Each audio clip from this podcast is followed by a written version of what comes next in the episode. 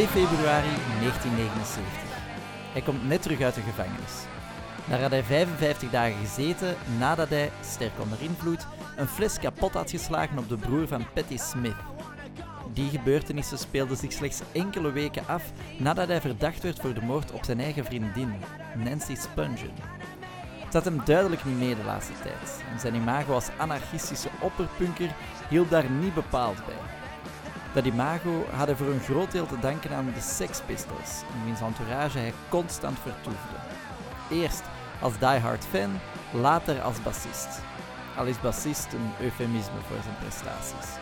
Als Johnny Rotten de stem van de Engelse punk was, verpersoonlijkte hij vooral de attitude van de punk. Een attitude die zich uitte in drugs en destructieve drang. Op 2 februari 1979 was dat niet anders. Al zou die destructie nu een toppunt bereiken. 21 jaar was hij nog maar. Over zijn dood wordt vandaag dan ook nog steeds gespeculeerd. Maar wat zou hem het kunnen schelen? Hij was op zijn minst herenigd met zijn Nancy. Zijn naam? Sid Vicious.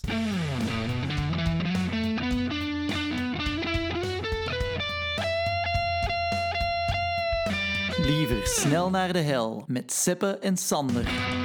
Welkom bij de nieuwste aflevering van Liever snel naar de hel. En we zijn nog steeds Seppen en Sander. Wij bespreken ook nog steeds legendarische muzikanten die eh, dat op jonge leeftijd gestorven zijn. En we zijn aangekomen aan een nieuw seizoen, seizoen 4 ondertussen. Dus ja, Sepp, we zijn natuurlijk ook opnieuw naar een, naar een thema op zoek gegaan waar we een aantal artiesten aan kunnen koppelen. Hè? Ja, dat klopt. En we hebben heel hard nagedacht. We hebben studies gedaan, uh, marktonderzoeken, panelgesprekken. en we zijn tot de conclusie gekomen dat we het heel vaag gaan houden. Maar toch specifiek. Ja, dat is effectief. En, en dat vonden we het best in de jaren 70. Voilà. Maar wat zijn de jaren 70? Is dat geboren in de jaren 70? Gestorven in de jaren 70? Nee. Het gewoon. gewoon de jaren 70. Groot in de jaren 70. Ja. Of opkomend in de of jaren 70. Of opkomend in de jaren 70. En voor sommigen is dat exact hetzelfde. Voilà. Waaronder ook onze eerste gast van dit nieuwe seizoen. En dat is meteen een icoon dan toch ook wel voor die jaren 70. Hij heeft mee eigenlijk een leidend genre in dat decennium toch wel groot gemaakt. En dat is niemand minder dan Sid Vicious. Ja, Sid Vicious. En ja, we hebben de vorige aflevering het gehad over Adam York, hè? Mhm. de brave Beastie Boy. Te weinig drugs. Hè? dat was te weinig. Mensen hebben daar... aan tips over drugs. Ja, we hebben daar inderdaad uh, reactie op gekregen van oei, ik dacht dat liever snel naar de hel een drugspodcast was. Voilà. Um, ja, dus Adam York voldeed daar niet aan. Dus we zijn dan maar eigenlijk op zoek gegaan naar het volledig tegenovergestelde van Adam York, van de, bra de brave uh, muziekvader, zal ik zeggen. Voilà, en we, we gaan echt gewoon naar een, een fucking marginaal. Ja. Die heel, heel goed wist wat hij deed met drugs. yes, en dat is Sid Vicious.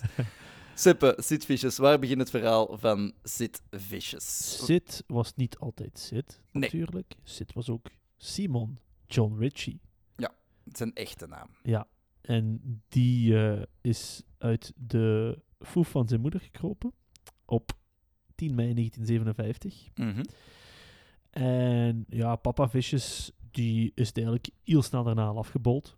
Mm -hmm. uh, ja, nooit meer teruggekomen. Uh, we kennen het. okay. Dus moeder Vicious en zoon Vicious die gaan eigenlijk het grootste deel van de opvoeding van Sid samen doorbrengen. Dus die hebben ook wel een heel hechte band. Er is ja. nog wel ergens een stiefvader die uh, een paar jaar in zijn leven was, maar die heeft het niet lang getrokken. Uh, nierfalen, uh, kennen we allemaal. helaas uh, vroeg gestorven. Maar ja, dus die twee, ja, dat, is eigenlijk, dat zijn de, de twee hoofdpersonages eigenlijk in de, in de, in de vroege jaren van Sid Vicious. Ja. Uh, zijn moeder zal echt wel een hele grote impact ook op hem hebben. Mm -hmm. uh, in termen van opvoeding, ook in termen van ontwikkeling, en ook een term van teruggebruik natuurlijk. Ja, Ehm, zeker. want zijn moeder, ja, alleenstaand, hè, jaren 60 in, in de UK, dat is niet gemakkelijk. En zij zal van de ene job naar de andere job gaan. En zij zal proberen om ja, voldoende voor Sid te voorzien. Maar ja, dat is niet altijd even gemakkelijk. En zij zal eigenlijk ja, via via en, en via van allerlei omweggetjes terechtkomen eigenlijk in een programma dat huisvesting voorziet voor verslaafden of ex-verslaafden Mhm. om die te re- reïntegreren in de maatschappij. Eh, God knows why. Eh, maar ja, dus Ma Vicious zit daar samen met Sid in een appartement. Zij op dat moment is, is, nog, is niet drugsverslaafd. Allee, oké, je kunt dat wel zeggen. Maar ja, als uw buurman en buurvrouw allemaal wel eens een keer graag een goede dikke spuit heroïne zetten, ja, dan is het natuurlijk moeilijk om ervan af te blijven. Dus eigenlijk van vrij jonge leeftijd heeft Sid Vicious zijn moeder ook drugs zien gebruiken. Ja. Heel veel zien injecteren. Dus dat, dat, heel dat ja, viscerale van, van injecteren en bloed en, en, en, en dingen intraveneus doen, dat is iets wat heel jong bij Sid Vicious al binnenkomt. Mhm. Hij, hij zal zelf ook op heel jonge leeftijd ook al speed injecteren Mhm. meerdere malen per dag. Ehm, dus allee, dat is ook niet de gezondste relatie, want zijn, zijn, moeder heeft ook geen tegenwind of geeft geen tegenwind tegen heel dat Nee, nee, druggebruik nee, nee, En, en zo. Ehm, maar eigenlijk op, de, op dat moment in de vroege jaren van Sid Vicious zijn leven is hij wel nog niet echt zo de, de Vicious. Hij is meer Nee. Sid, Sid de Zachte op dit moment. Hij wordt, de zachte. hij wordt een beetje be- ook wel beschreven als een gevoelige jongen. Iemand die, die ook wel veel humor had. eh, Ja. Maar dan van tijd tot tijd eens een goede dikke spuitspeed zetten. Ja. maar toch, ja, ehm, die hele relatie natuurlijk tussen hem en zijn moeder, dat gaat ook wel een bepaalde impact op hem hebben, op, zijn, op de attitude die dat hij ook wel gaat aannemen naar de buitenwereld toe. En dat is een attitude die dat dan toch ook wel heel veel, of al heel snel met de punk eigenlijk wel wordt ja, vereenzelvigd. En waardoor dat we misschien ook wel kunnen zeggen, en dat zal later ook vooral veel gezegd worden, dat, dat Sid Vicious echt wel the attitude of, of punk was. Hij wa- was iemand die dat zich vooral ook heel destructief was, die dat zich verzette tegen het systeem, eh, of, of Ja. op elke mogelijke manier een middenvinger uitstak tegen het systeem, en vooral ook niet mee wou doen. Allee, zich, ja, een heel harde vorm van ja, verzet eigenlijk. Hè? Ja, en, en, en zeker Sid Vicious, ehm, zijn gedrag had iets heel nihilistisch. Eh, Het, ging kapot maken om kapot te maken.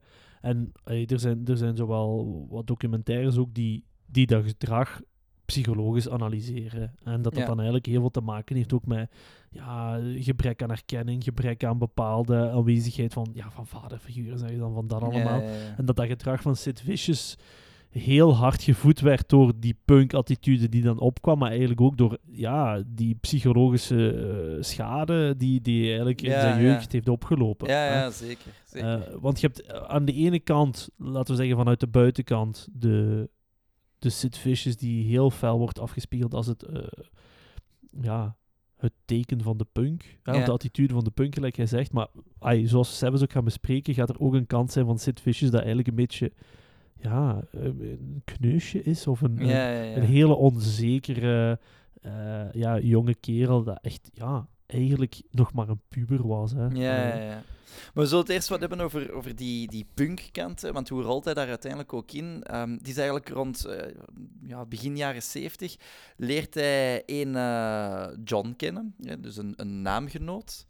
Dat is John Leiden, hè, die daar later als Johnny Rotten eh, door het leven zal gaan.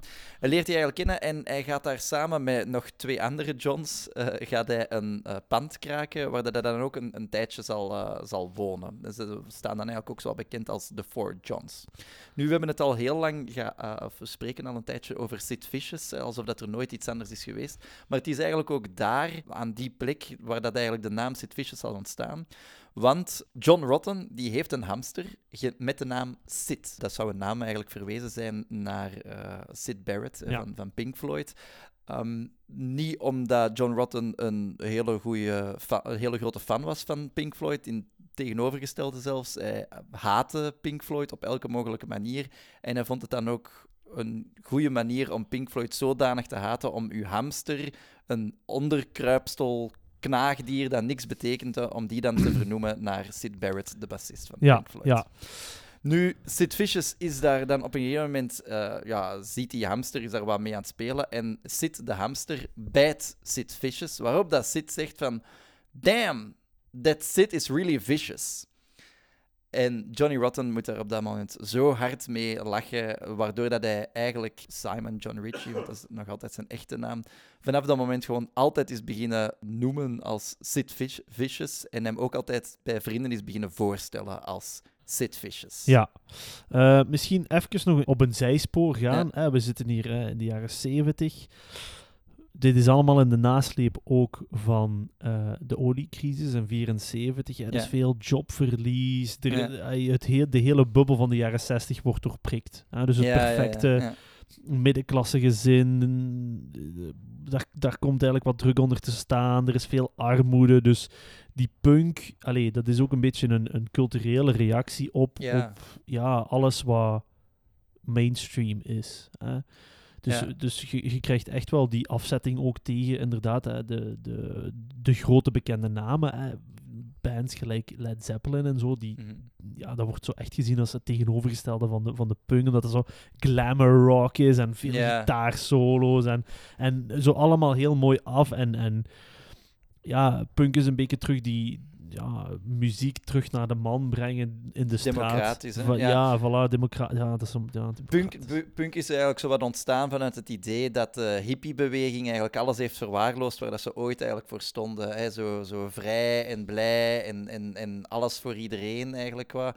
En de punk is eigenlijk ontstaan vanuit het idee dat ze zagen van, ah ja, maar ja, die mensen die dan nu peace and love en flower power allemaal aan, aan het waren prediken, dat zijn nu eigenlijk de grote CEO's van kapitalistische bedrijven waar dat ze ooit eigenlijk eh, tegen waren. En de Ja, punk is daar eigenlijk heel in, in, in teleurgesteld. voor- Ja, ja, voilà. En je krijgt dan ook een beetje zo de, de, de eh, weer zo een soort van lost generation van jongeren Ja. die, die geen werk kunnen vinden. Dus allee, dat is Mhm. allemaal een hele goede melting pot voor eh, Ja. eh, goed wat allee, veranderingen eigenlijk. Ja, voilà. En dat uit zich op heel veel verschillende vlakken. Ehm, en dat uit zich dan bijvoorbeeld, ja, dat is iets typisch voor een subcultuur, dat uit zich dan natuurlijk ook in, in de mode. Hè? Ja.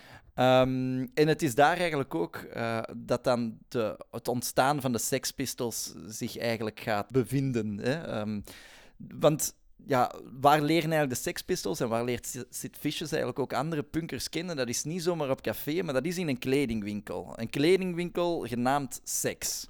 Dus dat is geen sexshop. ehm dus de, de naam doet iets anders eh, vermoeden. Oh my god, Ehm, wat? Maar eh, dat was eigenlijk vooral eigenlijk een, een winkel waarin dat eigenlijk alles van anti-fashion werd verkocht.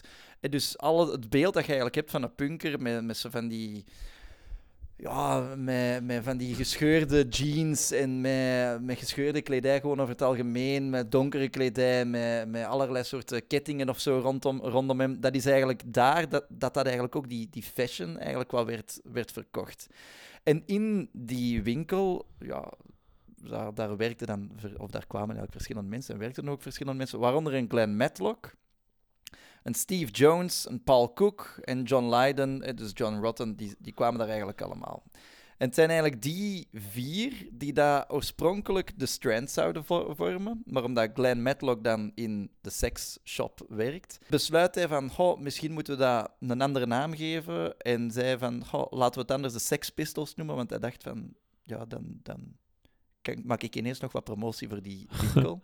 En ook, eh, toch al wel een belangrijke naam om te, om te vermelden, dat is de eigenaar van de winkel. Dat is Malcolm McLaren en dat zal dan ook de manager worden van de Sex Pistols gedurende hun hele carrière. Dus je merkt dat daar eigenlijk in die eh, kledingwinkel worden de Sex Pistols, ja, eh, on- ontstaan ze eigenlijk. Dus wat wel belangrijk is, is dat op dit moment is er van Sid Vicious in de Sex Pistols nog niet echt sprake. Nee. Eigenlijk is, ja, Sid Vicious heeft niet actief bijgedragen tot de opnames van het Nee. enigste album van de Sex Pistols. En ja, heel cru gezegd was dat, totdat hem eigenlijk bassist mocht zijn, was dat een, een groupie eigenlijk. Hè. Ja, ja. Allee, voilà. het is heel raar om te zeggen, maar hij was bijna bij al die concerten van de Sex ja, Pistols. hij was een diehard fan eigenlijk. Voilà, dus en dat ik kende ze goed. Ja. dat, zo, dat was eigenlijk de dude die je zo altijd op zo het, hetzelfde type van metal festival zou zien. Zo, weet je, Ja, van, ah, ja. die is weer daar. Zo. Ja, ja, iemand zo met alle mogelijke Voilà, festivalbandjes. ja, zo inderdaad. Maar oké, eh, hij had inderdaad niet de, de grote muzikale achtergrond, Sid Vicious.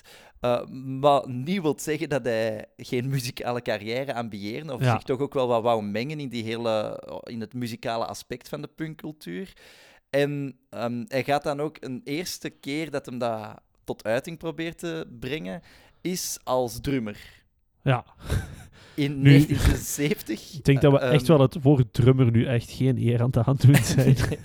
Eh, heeft, heeft wel geteld letterlijk één keer drum gespeeld. Ja. En daar bestaat ook een opname van. Ja, voilà, kijk, we, we, we, we zijn echt, we're scraping the barrel hier voor muziekmateriaal van Sid Vicious te vinden, dus let's, let's fucking go. Ja, Seoxy en de Banshees, daar speelt eigenlijk in op het eh 100 Club Punk Festival. Dus dat is ook een, een, ja, op dat moment is dat ook eigenlijk een heel groot of een belangrijk festival voor de hele punk scene.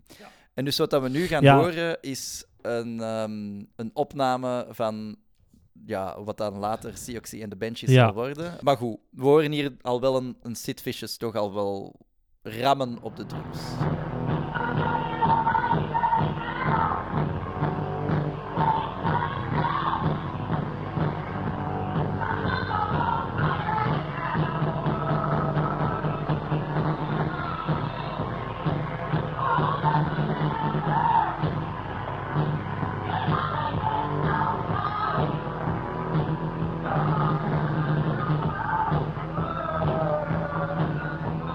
Ja, voilà. Dus, eh, maar die 100 Club, dat, dat is eigenlijk inderdaad wel... Voor heel veel mensen was dat eigenlijk de, de punk die vanuit de underground meer naar ja, het algemene publiek kwam. Want dat was Ja. eigenlijk voor de eerste keer dat dat als een genre of eigenlijk als een cultuur gedefinieerd ja, werd. ja. Eh, dat is eigenlijk van al die mensen die zo'n beetje rare shit aan het doen waren en een scheur in een broek hadden en weet ik veel wat, dat werd ineens onder de noemer punk gebracht. Ja, Dus die, die, die eh, 100 Club Punk Festival, dat, dat was eigenlijk wel echt ook een beetje de, de geboorte van het genre eigenlijk. Ook als, als punk aan zich natuurlijk. Hè. Of de bevestiging zeker in de UK van punk. Eh, eh, en natuurlijk, eh Sid Vicious was daar ook. Ja. Eh, en ah, die was dat wel wel gedronken. Hè, want hij- er waren meerdere acts. En, Ja. en er zou ook nog een andere act zijn geweest. Die blijkbaar niet alleen door Sid Vicious werd gehaat. Wel. ja, hè. ja. The Damned. Ja, dat. Damned. En hij zou toch wel echt niet met gewoon een gigantisch glas bier eh, gegooid hebben naar eh, de leadzanger van de Damned, geloof ik. Ja, die Eh, ontwijkt dat weliswaar. Ja, maar er, iets wordt geraakt, hè. Want eigenlijk eh, verliest iemand zijn oogbal, Ja, wel. Dus hij, hij raakt eigenlijk in een bepaalde ehm, ruzie. Ook omdat de Damned zouden hem. Ja, er, doen allemaal theorieën er ook wel eens rond. Want de Damned zouden hem eventueel zelfs ook gevraagd hebben om bij hen te spelen. En hij zou dat dan geweigerd hebben. En dan kwam er toch iemand anders en dan had hem daar zo spijt van, precies. En allee, goed, allee, een eh, labiel persoon. Maar ehm, in ieder geval, hij is dan inderdaad heel, heel zat. En hij gooit een glas om die, echt met opzet om die, een- die zanger eigenlijk te raken. Die ontwijkt. En dat komt in een, het oog terecht van een meisje dat gewoon in het publiek staat. En ja, die krijgt eh, een stuk glas in haar oog. Dus die is eh, blind Ja, langs, langs voilà. één kant. Dankzij Sid Vicious. Voilà, en eh, een jaar later krijgen we eigenlijk een nieuw genre, de pirate punk, dat eigenlijk opgericht zal worden door haar. Ja. Maar Sander, dat kwam echt heel laat bij. Ik was echt zo aan het denken, hè, de pirate punk. Nee, maar ja, helaas. eh, dus eh Sid was, dat was echt niet te doen. Eh, een van de bandleden van, van de band waar hij drummer speelde, ja, sorry, ik kan de naam echt niet onthouden. Ehm, dat was eigenlijk een hele goede vriendin van hem. ja. En ehm, ja, die sliepen ook vaak samen, maar allee, niks seksueel, want Sid was daar blijkbaar heel preuts in. Mhm. En Sid dronk blijkbaar zoveel dat hij eigenlijk s'nachts altijd in zijn bed plaste. En die Plas, die rook gewoon naar bier. Ah ja. Dus allee, zo fel was eigenlijk al zijn ja, naar de kloten gaan. en, Ja, en zelfs de fructie. intoxicatie eigenlijk. Ja, Eh, voilà. Maar dat is eigenlijk, allee, die, die 100 Club is, is ook voor, voor punk en ook voor de Sex Pistols heel belangrijk. Want eigenlijk zijn ze daar toch wel, ja, de, de, de, main act, ja, dat is misschien nu niet, maar Dat is eigenlijk- Ja, zij zijn eigenlijk wel het referentiepunt op dat ja moment. zeker. Allee, ik denk, denk dat het belangrijk is om, om even dan ook de geschiedenis van de Sex Pistols daar ondertussen naast te leggen. Want terwijl dat Six, eh, dat six Fi- Vicious, maar nee, terwijl dat Sid Vicious ehm, wat muzikaal aan het experimenteren is, of zich aan het uitleven is in ieder geval, beginnen de Sex Pistols ook echt wel op te komen. Hè. Dus, dus ehm, die re- releasen een eerste single, hè, Anarchy in the UK.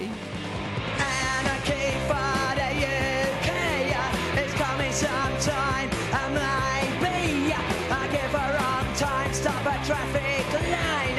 Your future gleam is a shopping scheme. 'Cause I, I wanna be anarchy in the city.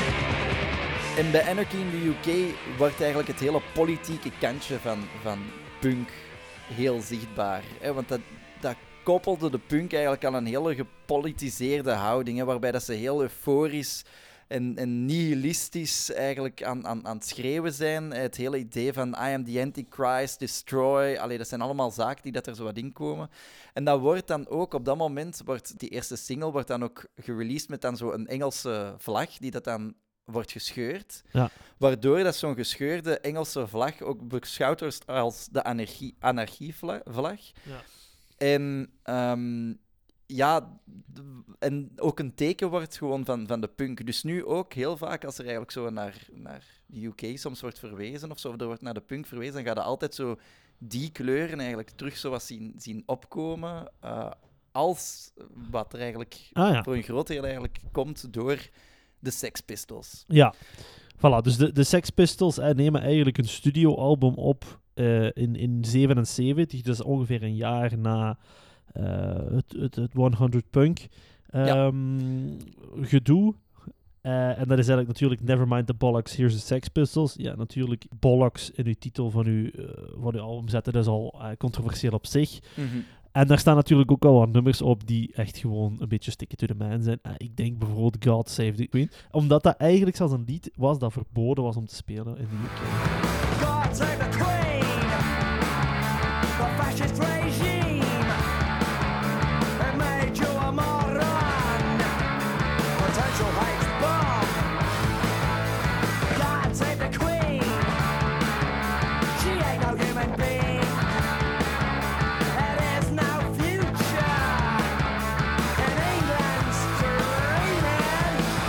Save the Queen was inderdaad een nummer ja, dat gebannen werd hè, van, de, van de radio's, maar natuurlijk, dat is dan een verboden vrucht.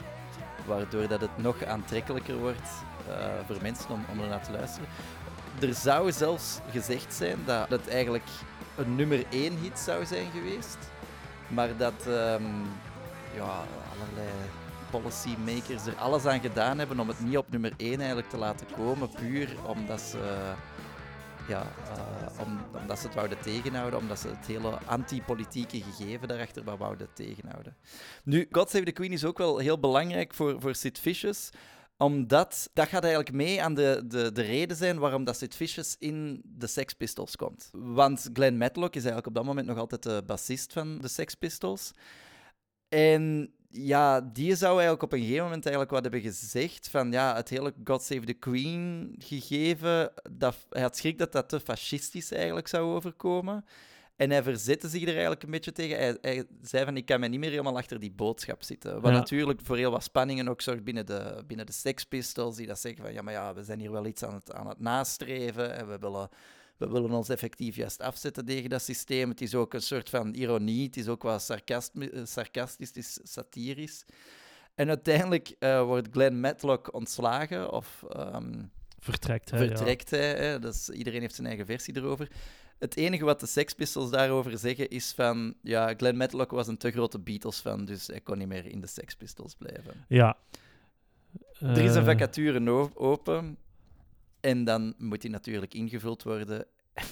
En we kunnen daar eerlijk bij zeggen, ze vonden niemand beter op dat moment dan Vicious. Ja, en dat is ook wel het hele ding van, van punk, wat, wat zeker die mensen op, op het moment zelf ook zeggen, is van...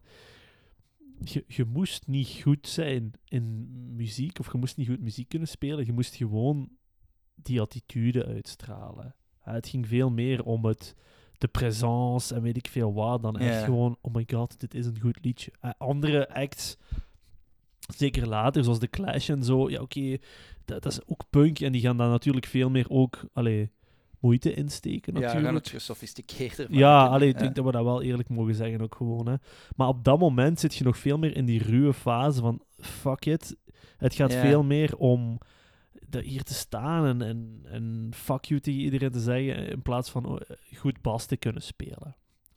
Ja, ja. Eh, want ja, we, we zitten hier een beetje in een, een, beetje een, een rare eh, situatie. Hè. Sid Vicious is, een- is, een, is een icoon, gelijk gezegd. Maar er zijn eigenlijk bronnen die... Ja, er zijn twee kampen. Ja. Het ene kamp zegt, Sid Vicious heeft zichzelf bas geleerd en was eigenlijk een natuurtalent. ja. hè. En kon dat supersnel en was met heel veel weg. Eh, hij Heel zou het- snel ja, vooral. Ja. ja, en hij zou het blijkbaar geleerd hebben op het album van de Ramones. Hè. Ja, hij Ja. Zou, hij zou, de mythe is eigenlijk dat hij, hij- er werd hem gevraagd van, wilde jij bas spelen? En hij zou gezegd hebben oké, goed, ik ga dat proberen. En hij zou dan s'avonds het, eh, het album van de Ramones hebben opgezet en dat met een basgitaar en dat gewoon hebben proberen na te spelen. En de volgende ochtend Ja, kon hij inderdaad. bas spelen. Voilà. Dus echt gelijk, ik weet niet, een Bijbels verhaal of zo. Ja. maar effectief, het, het, het andere verhaal is, ja, of wat daar heel veel anderen zeggen, is gewoon van, ja, nee, Sid Vicious kon niet bas spelen. Zijn versterker werd gewoon uitgezet. Ja, En ook, want Sid Vicious wordt betrokken bij de opnames van het, het studioalbum van de Sex Pistols. ja, Ja, hij wordt ook op elke mogelijke manier wordt ook gemeden dat hij bas zou spelen. En ze hebben eigenlijk chance, want op het moment dat ze de opname doen, heeft, eh, ja, leidt Sid Vicious aan hepatitis, dus wordt hij opgenomen in het ziekenhuis. En dat was, eh, de Sex Pistols waren daar zeker niet rouwig om, want ze wisten dan van, oké, dan komt hij niet de studio in, kunnen wij gewoon alles eigenlijk opsp- eh, inspelen, ook de baslijnen. ja, En we kunnen later tegen Sid, Sid zeggen dat hij ook wel iets heeft gedaan. ja, inderdaad, inderdaad. Dus, allee, eh, Ja.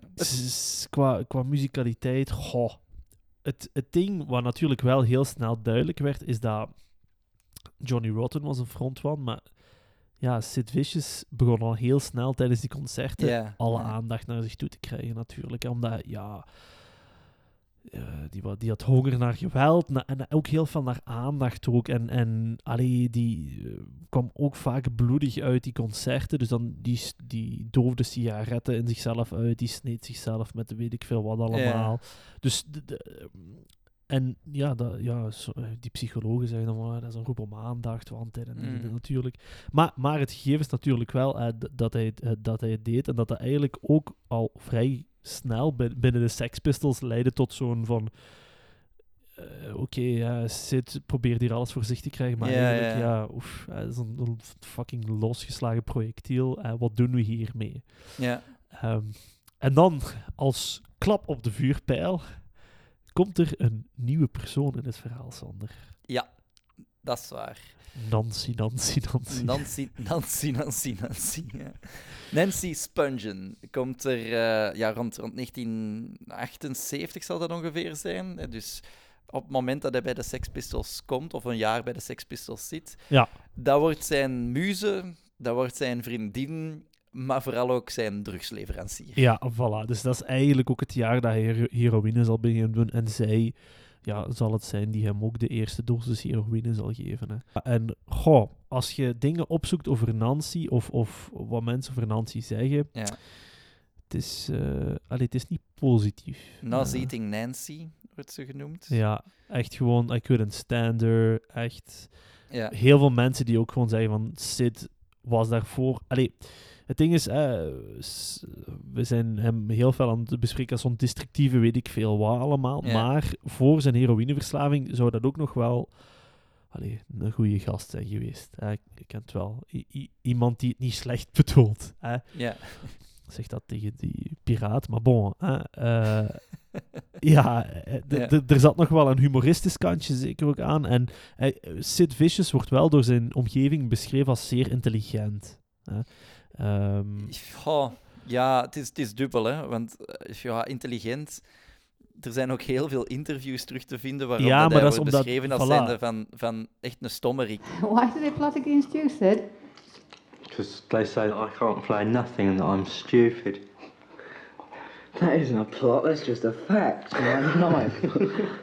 Ja, maar dat Hij wordt... om- speelt het type, Voilà. denk ik ook soms wel gewoon. Voilà, het is dat. Dus dat eigenlijk heel vaak hij, hij die attitude en, en die persona wilt zijn van I don't give a fuck. Maar heel veel van zijn omgeving zeiden van Sid gaf echt heel veel om heel veel dingen. En dat is net hetgene wat, wat heel fel veranderd is met die, met die inkomst van Nancy. En ja, zijn, de start van zijn heroïneverslaving Mhm. eigenlijk. hè. Voilà, Nancy. Misschien goed om, om even als, als tussenpauze eh, nog eens naar een muziekfragmentje van, van de Sex Pistols te luisteren. Ja. Eh, ik stel voor, anders dat we eens even naar Bodies gaan luisteren. Dat gaat ook over, over een, een vrouw die het niet zo gemakkelijk heeft. eh, dus kan vergeleken worden met Nancy. Dat zeggen wij zelf, zeggen zij niet. Ehm, en het is ook het enige nummer op de plaat van de Sex Pistols waar Sid Vicious op zou spelen. Ja. Al is dat te betwisten, want zelfs die baslijn, daar zou nog een tweede baslijn over gespeeld zijn. Dus waardoor dat je hem eigenlijk niet echt goed kunt horen. She was a girl from Birmingham. She just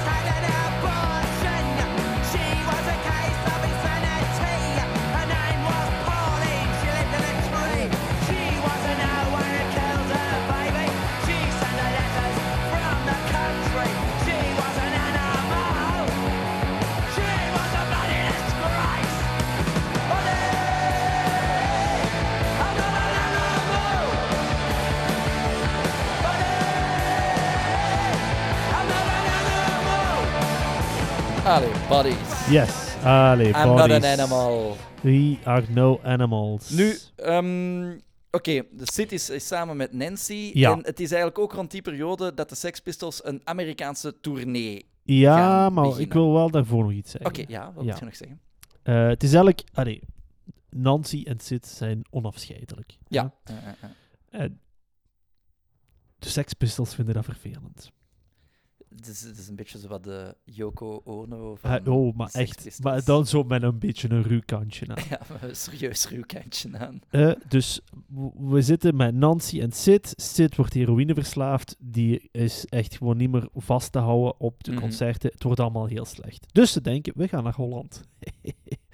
You're not gonna believe this. We gaan naar Holland, want dan gaat Sid van de heroïne afblijven. Naar Holland. Ja. Ze doen optredens in Amsterdam. Laten we zeggen, op dat moment de drugshoofdstad van de wereld. en, Op dat moment? Of...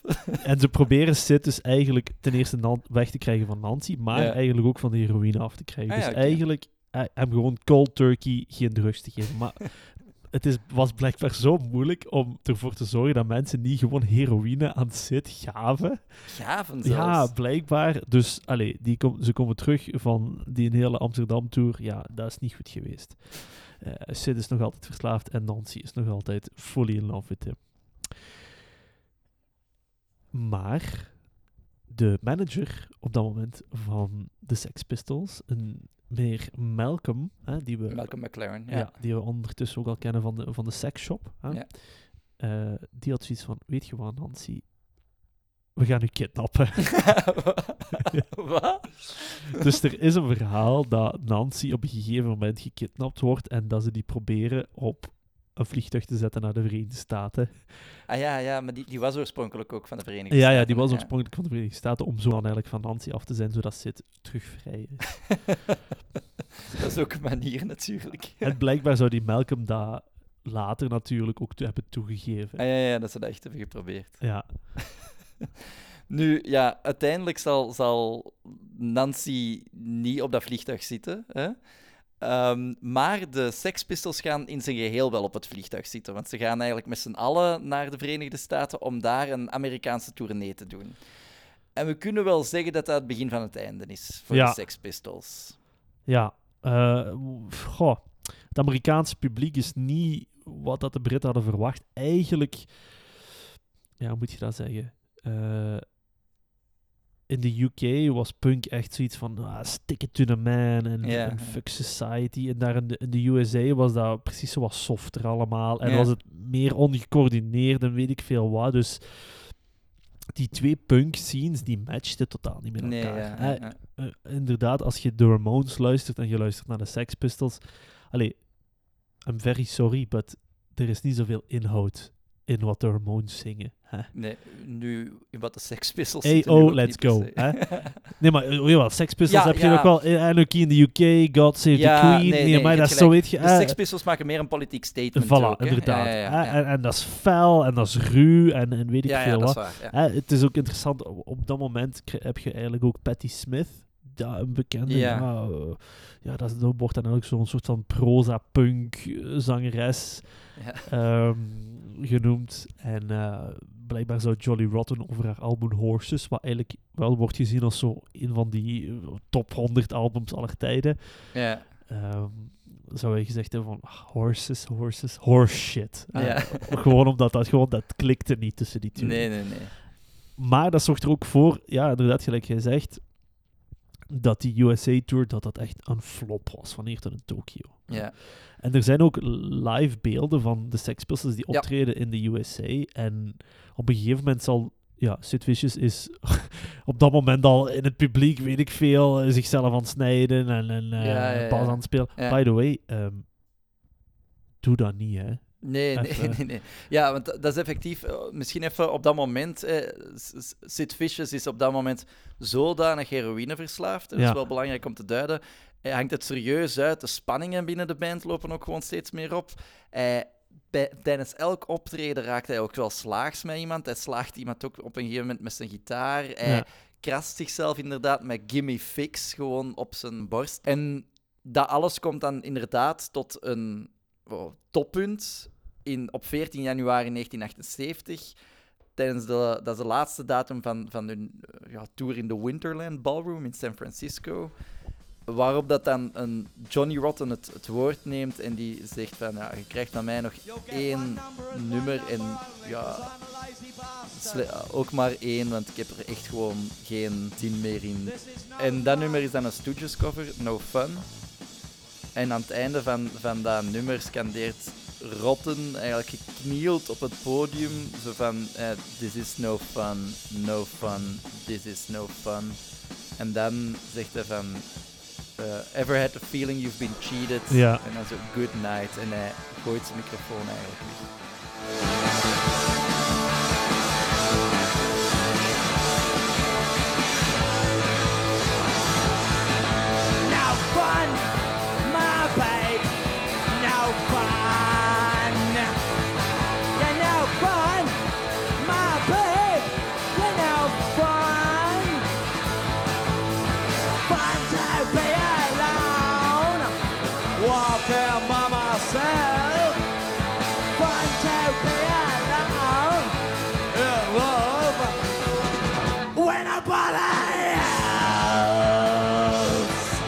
Ja, dus eh, we zitten dan in 1978. Ja, kijk, we gaan er geen doekjes om winden. Sid Vicious is 20 jaar, maar hij zal eigenlijk al één jaar voor zijn dood zijn. Ja. En laten we zeggen dat dat laatste jaar ook niet echt het meest geweldige jaar is geweest. Hè?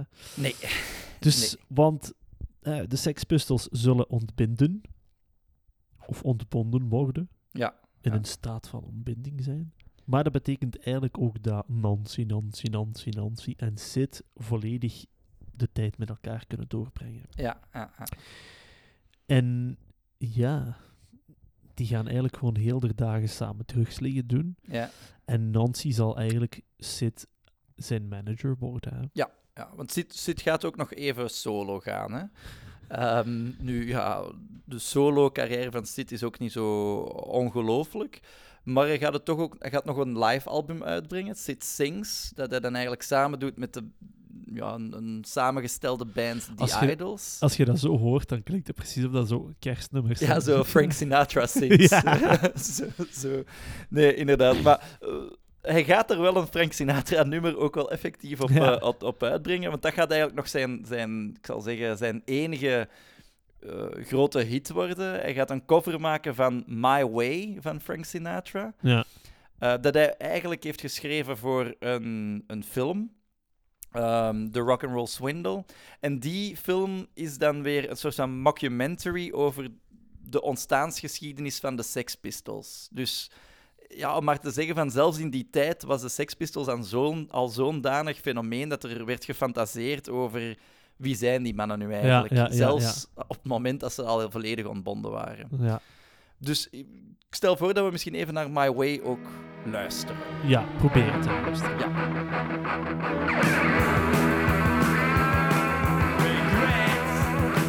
I've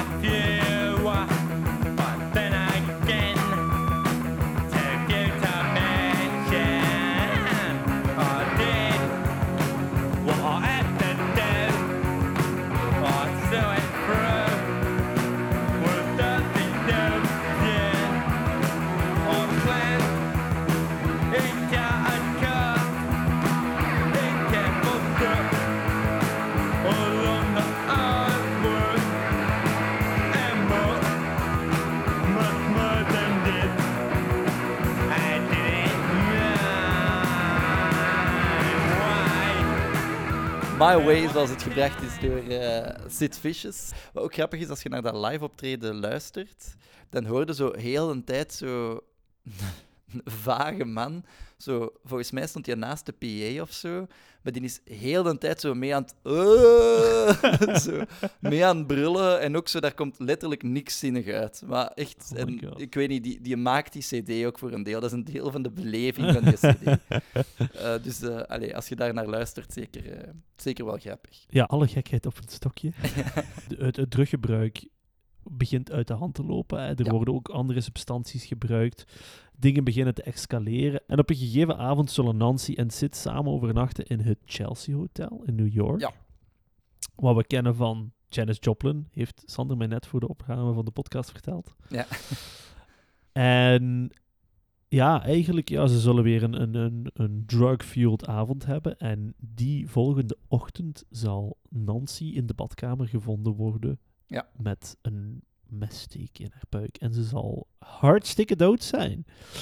Nu, ja, Sid is wel nog levend. En ja, de situatie is natuurlijk niet zo positief voor hem, want en natuurlijk nu beginnen al de, de conspiracies te komen. Mhm. Hij, hij zou die avond zelf ook nog een mes gekocht hebben. En dat mes zou eventueel matchen met de wondes van Nancy. Ja, ja, ja.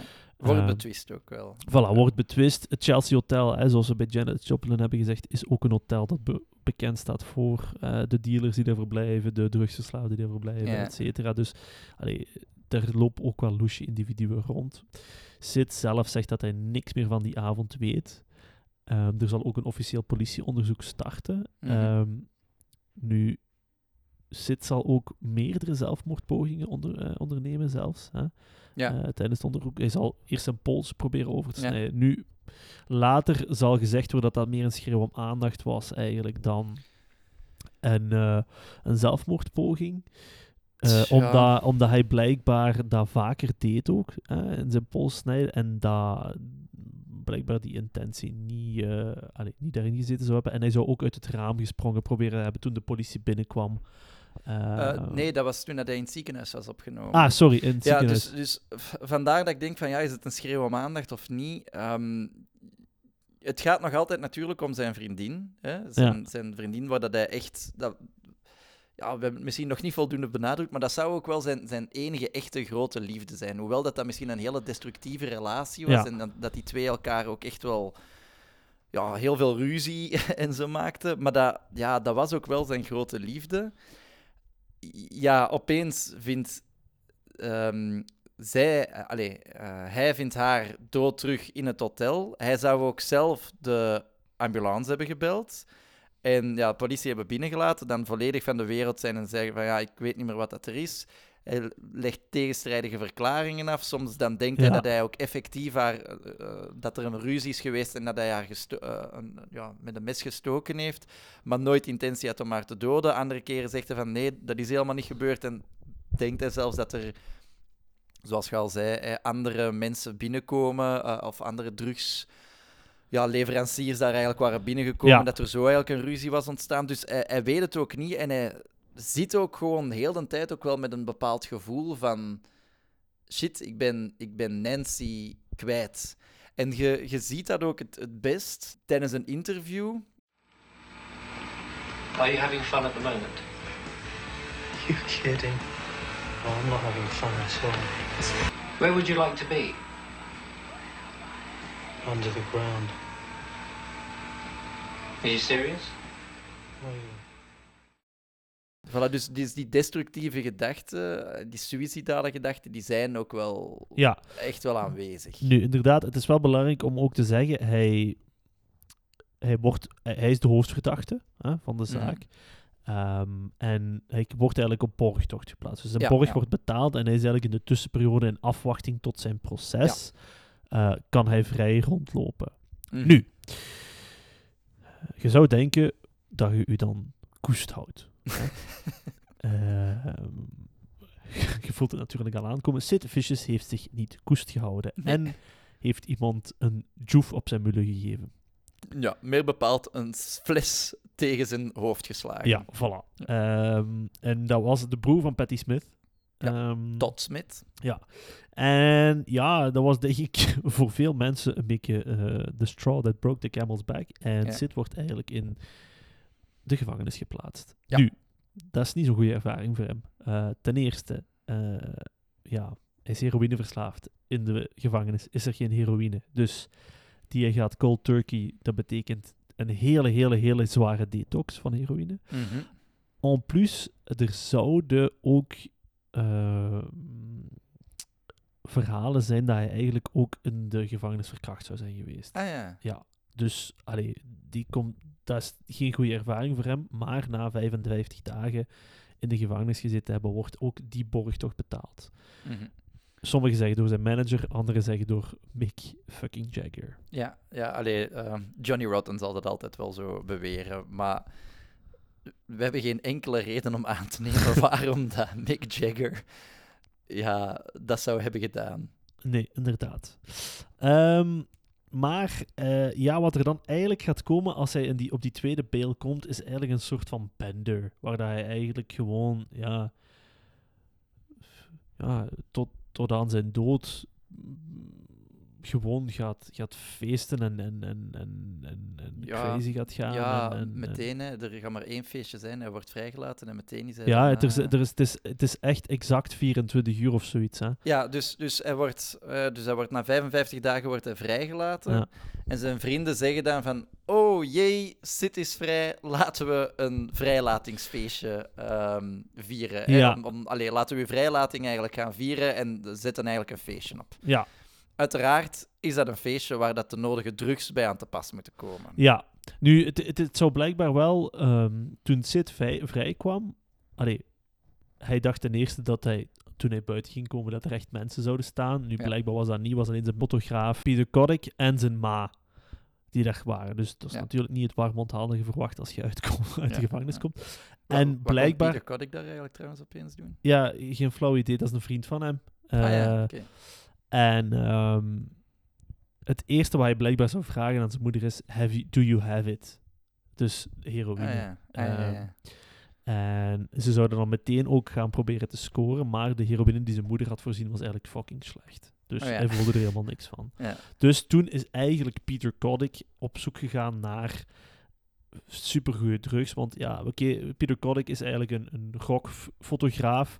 Ehm, of een muziek, muziekfotograaf. Dus die kende ook wel een beetje de, de plaatsen waar je moest zijn in New York om de good shit te krijgen. Mhm. En dus op dat moment, daarna, gaat eigenlijk eh, Sid Vicious ja, een feestje starten. Hè? En Peter Kodak zal daarna eigenlijk aankomen op het feestje met ja, een, Sterkere drugs. een, voilà, een sterkere dosis heroïne. Ja, de nieuwe drugs heeft binnengehaald op het feestje. Kan het feestje ook echt helemaal van start gaan. En ehm, dat zal uiteindelijk ook het einde betekenen van Sid Vicious. Ja, En dan gaan er eigenlijk heel veel verschillende theorieën eh, de ronde. Want eh, eerst de meest gang- gangbare theorie is op dat moment van oké, goed, Sid Vicious heeft daar drugs genomen en heeft een overdosis genomen. Dus hij zou eigenlijk veel te veel drugs hebben genomen en daar per ongeluk aan gestorven zijn. Ja. Maar Anderen denken dan weer dat hij het bewust heeft genomen. En waardoor dat het eigenlijk zelfmoord zou zijn. En Ja. ook echt vanuit het idee van, goed, eh, eh, ik, maak er een, ik maak er een einde aan, het is, eh, dit moet allemaal niet meer voor mij. Maar dan zijn er nog anderen, en die zeggen dat het geen ongeluk was, dat het geen zelfmoord was, maar dat het moord Ja, was. inderdaad. En als we het dan over moord hebben, dan eh, gaat het eigenlijk over het ja, moord in die zin dat de moeder van Ja. Sid Vicious... Ja, De ultieme, eigenlijk, eigenlijk is het de, de laatste ja, dienst die een moeder voor haar zoon wilde bewijzen. ja, hè. voilà. Dus Sid Vicious was al ver heen. En Peter Kodak geeft op een gegeven moment nog zo'n laatste dosis ehm, aan de moeder van Sid Vicious. Nu, op dat moment zijn zowel Peter Kodak en de moeder van Sid Vicious, dus en, zijn er eigenlijk zich van bewust dat als ze dat gaan geven, Ja, dat dat te veel zal zijn voor hem. En- want, dat is misschien wel belangrijk, hè, Sid pakt al een eerste keer heroïne die, die voorzien werd door Peter Kodak. Ja. En die, ja, om het gewoon heel plat te zeggen, die was er echt slecht op aan het gaan. Ja, ja, ja. ja. Dus dat feestje werd ook afgebroken. Ehm, en ja, Sid was aan, aan, aan, aan het overgeven. En, en blijkbaar moet je dan thee drinken om een of andere reden. Dat is weer een, een hot tip voor jullie teruggebruikers. hè. Eh, doe alsjeblieft geen drugs, hè, jongens. Maar eh, moet je thee drinken. Ehm, en dus hè, de gasten gaan weg. En dan zal Sid eigenlijk nog eens proberen om heroïne te pakken. Ja. Ehm, dus allee, het, het, was wel al duidelijk dat die heroïne super sterk, super potent was, want hij had Ja. er al van genomen. Ja, ja, voilà, voilà. Dus ze waren zich er heel van, van, van bewust. Ehm, nu, de moord, allee, of, het moordidee erachter is dan van dat eh, Mama Vi- Vicious eh, geeft dan de ultieme dosis aan Sid Vicious. En effectief, zoals je eigenlijk daarnet al aanhaalde, als een soort van laatste dienst die dat de moeder kan bewijzen. Waarom? Omdat de mama van Sid Vicious een eh, briefje eigenlijk had gevonden. Waarop dat stond: We had a debt pact, and I have to keep my half of the bargain. Please bury me next to my baby. Bury me in my leather jacket, jeans and motorcycle boots. Goodbye. Ja, maar natuurlijk wel heel interessant is dat natuurlijk op dat moment heeft hij wel een andere vriendin ook. En die andere vriendin die heet Michelle Robinson. Ja, dat is eigenlijk een, een kleine actrice die, die up-and-coming is.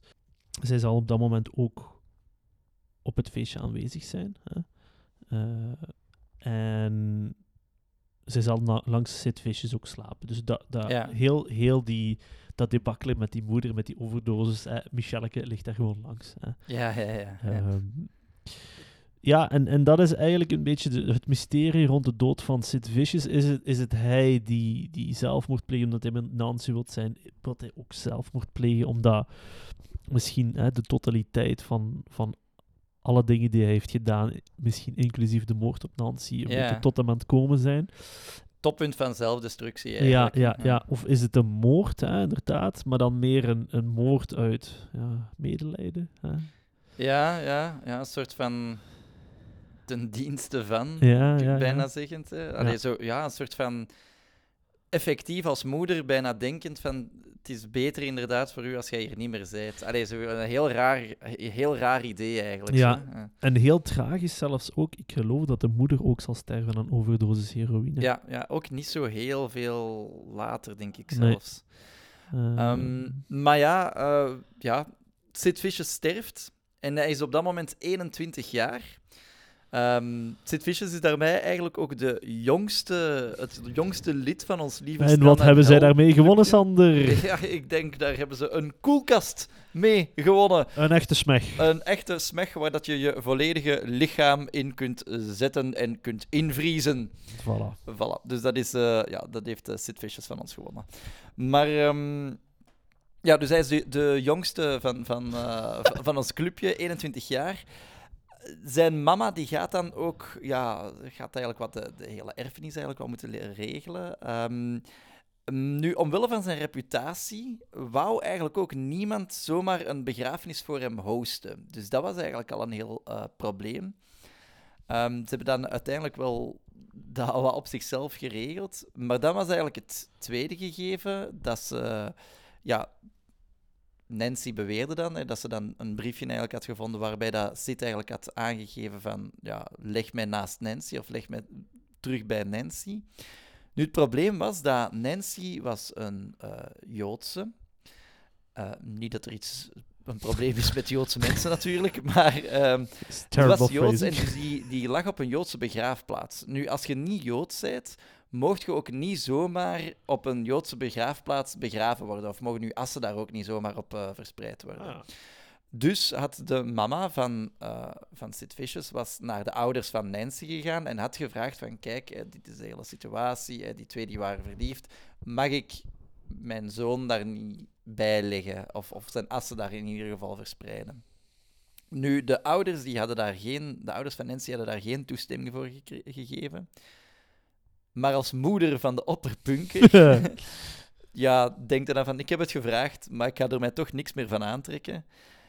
En uiteindelijk zou ze toch naar de begrafenis, begraafplaats zijn gegaan, naar het graf van Nancy, en zou ze toch eigenlijk de assen daar, eh, daar verspreid hebben. Dat is echt het meest punk ding dat je kunt doen. Hè. Yes, ja. ja. Wauw. Voilà, dan komen we eigenlijk wel aan het, eh, ja, aan het, aan het einde eigenlijk van, de, van deze aflevering. ongeveer. Specialeke, hè? Het is, het is een, een, een zeer atypisch figuur eigenlijk ook wel, hè, omdat, omdat hij ook niet echt een muzikant pur sang was. Hè.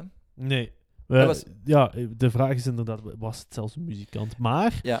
hij heeft natuurlijk wel echt die, ja, een beetje die, die attitude en laten we zeggen een beetje de, de flair van, van, Ja, een, ja, van een frontman ook. Hè. Eh, Ja, ze zouden zelfs gezegd hebben, want het was eigenlijk Glenn Matlock die dat de Sex Pistols oorspronkelijk dan wat had gestart. En Glenn zou zelfs gezegd hebben, als ik Sid eerder kende dan Johnny Rotten, dan had ik Sid gevraagd om zanger te worden. ah ja. Ja, Niet dat hij goed, beter kon zingen, maar hij had wel het attitude. Wauw, ik denk dat Johnny Rotten nu ook niet echt... De, de, de, de maatstaf was redelijk laag. hè. Ja, inderdaad. Maar ja, ik denk dat als we het dan hebben over, over wat heeft hij nagelaten, ik denk vooral het, het imago, hè. ja. Eh, de- het idee van, van, van de punker, de... Het is natuurlijk wel heel ironisch natuurlijk daar een, een, soort van eh stereotype of een soort van idee hoe dat een punker eruit ziet. Ja, Want ja, ja. Dat, dat, is, dat is dan eigenlijk heel algemeen Ja, en misschien heel conform zelfs. Hè? ja, ja. ja, Ehm, ja. Dus dat gaat natuurlijk een beetje in tegen het hele idee van punk. Ehm, maar ja, ik denk dat we hem wel echt een beetje het archetype van een punker zouden kunnen noemen. Hè. Ja, voilà. En Of toch van een Europese punker. Ja, en, en, en het is ook zo... Allee, hij was ook... Hoewel dat hij dan niet echt super muzikaal was, was hij dan effectief ook wel het, het, het symbool van de punk. En was hij ook wel echt een van de bekendste figuren uit die punk scene. En na zijn dood zou hij eigenlijk alleen nog maar bekender worden. Ja, En voor de punkmuziek op zich maakte dat niet uit dat hij eigenlijk niet zo muzikaal was. Want dat is ook het hele idee van de punk, is om het zo toegankelijk mogelijk eigenlijk te maken. Dus zelfs iemand die dan niet muzikaal is, voilà. zou punk eigenlijk moeten kunnen... Ja, voilà. Dus krijgen, voor. Mensen die graag de bas willen spelen, probeer de bas van de. Pistols.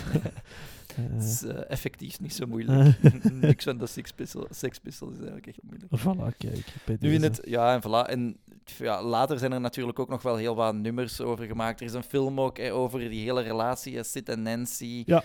Er is zelfs, zelfs een theaterstuk waarin dat de geest van Sid Vicious ehm, Kurt Cobain probeert te overhalen om geen zelfmoord te plegen. Ehm, Heftig, ja, wauw. Ja, dus dat is ook wel zo zot. Ehm, ja, en er is bijvoorbeeld ook een nummer, Sid is Innocent. eh, Ja, van de eh, Exploited zeker. Ja, van die Exploited. Goed. Oké, goed. Dan, zullen we we deze aflevering afsluiten. Ja. Ik denk, eh, we zullen nog één laatste nummertje dat Sid Vicious volledig typeert. Ja. Ik denk volledig spontaan nu aan Search and Destroy. Eh, wat denk jij, Sander? ja, ik denk dat het een heel goed idee is. Het is inderdaad een nummer van zijn ja, live-album, dus dat hij ook echt eh, zingt. of keelt in ieder geval. Ja. Ehm, ja, en dat typeert hem inderdaad misschien ook wel, eh, Ja. wel echt helemaal, hè. Search and, and Destroy. Ja. Oké, dan eh, sluiten we daarmee deze aflevering af. Dus als jullie nog voorstellen hebben voor artiesten die we kunnen bespreken, dan eh, kunnen we dat zeker meenemen. We hebben van eh, een luisteraar, Basiel Noterman, het voorstel gekregen om Cliff Burton van Metallica te doen.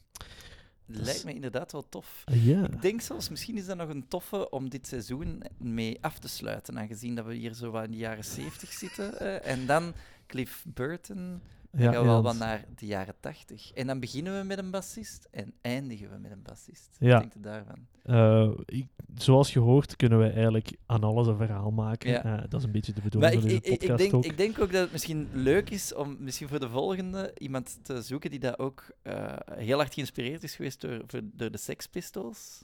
Ja, En dan denk ik eigenlijk in het bijzonder aan Ian Curtis. yes. Van- Ian Curtis van Joy Division. Yes, en die is ons ook voorgesteld geweest door een luisteraar, Robbe Wijn. Dus, ehm voilà, dus we, we luisteren ook naar onze luisteraars. Dus eh, dan brengen we natuurlijk ook graag nieuwe artiesten naar buiten.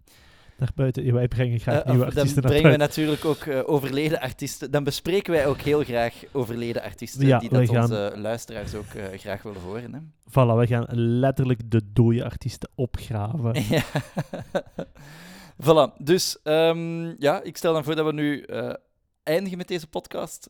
Volg ons zeker op Instagram, op Facebook.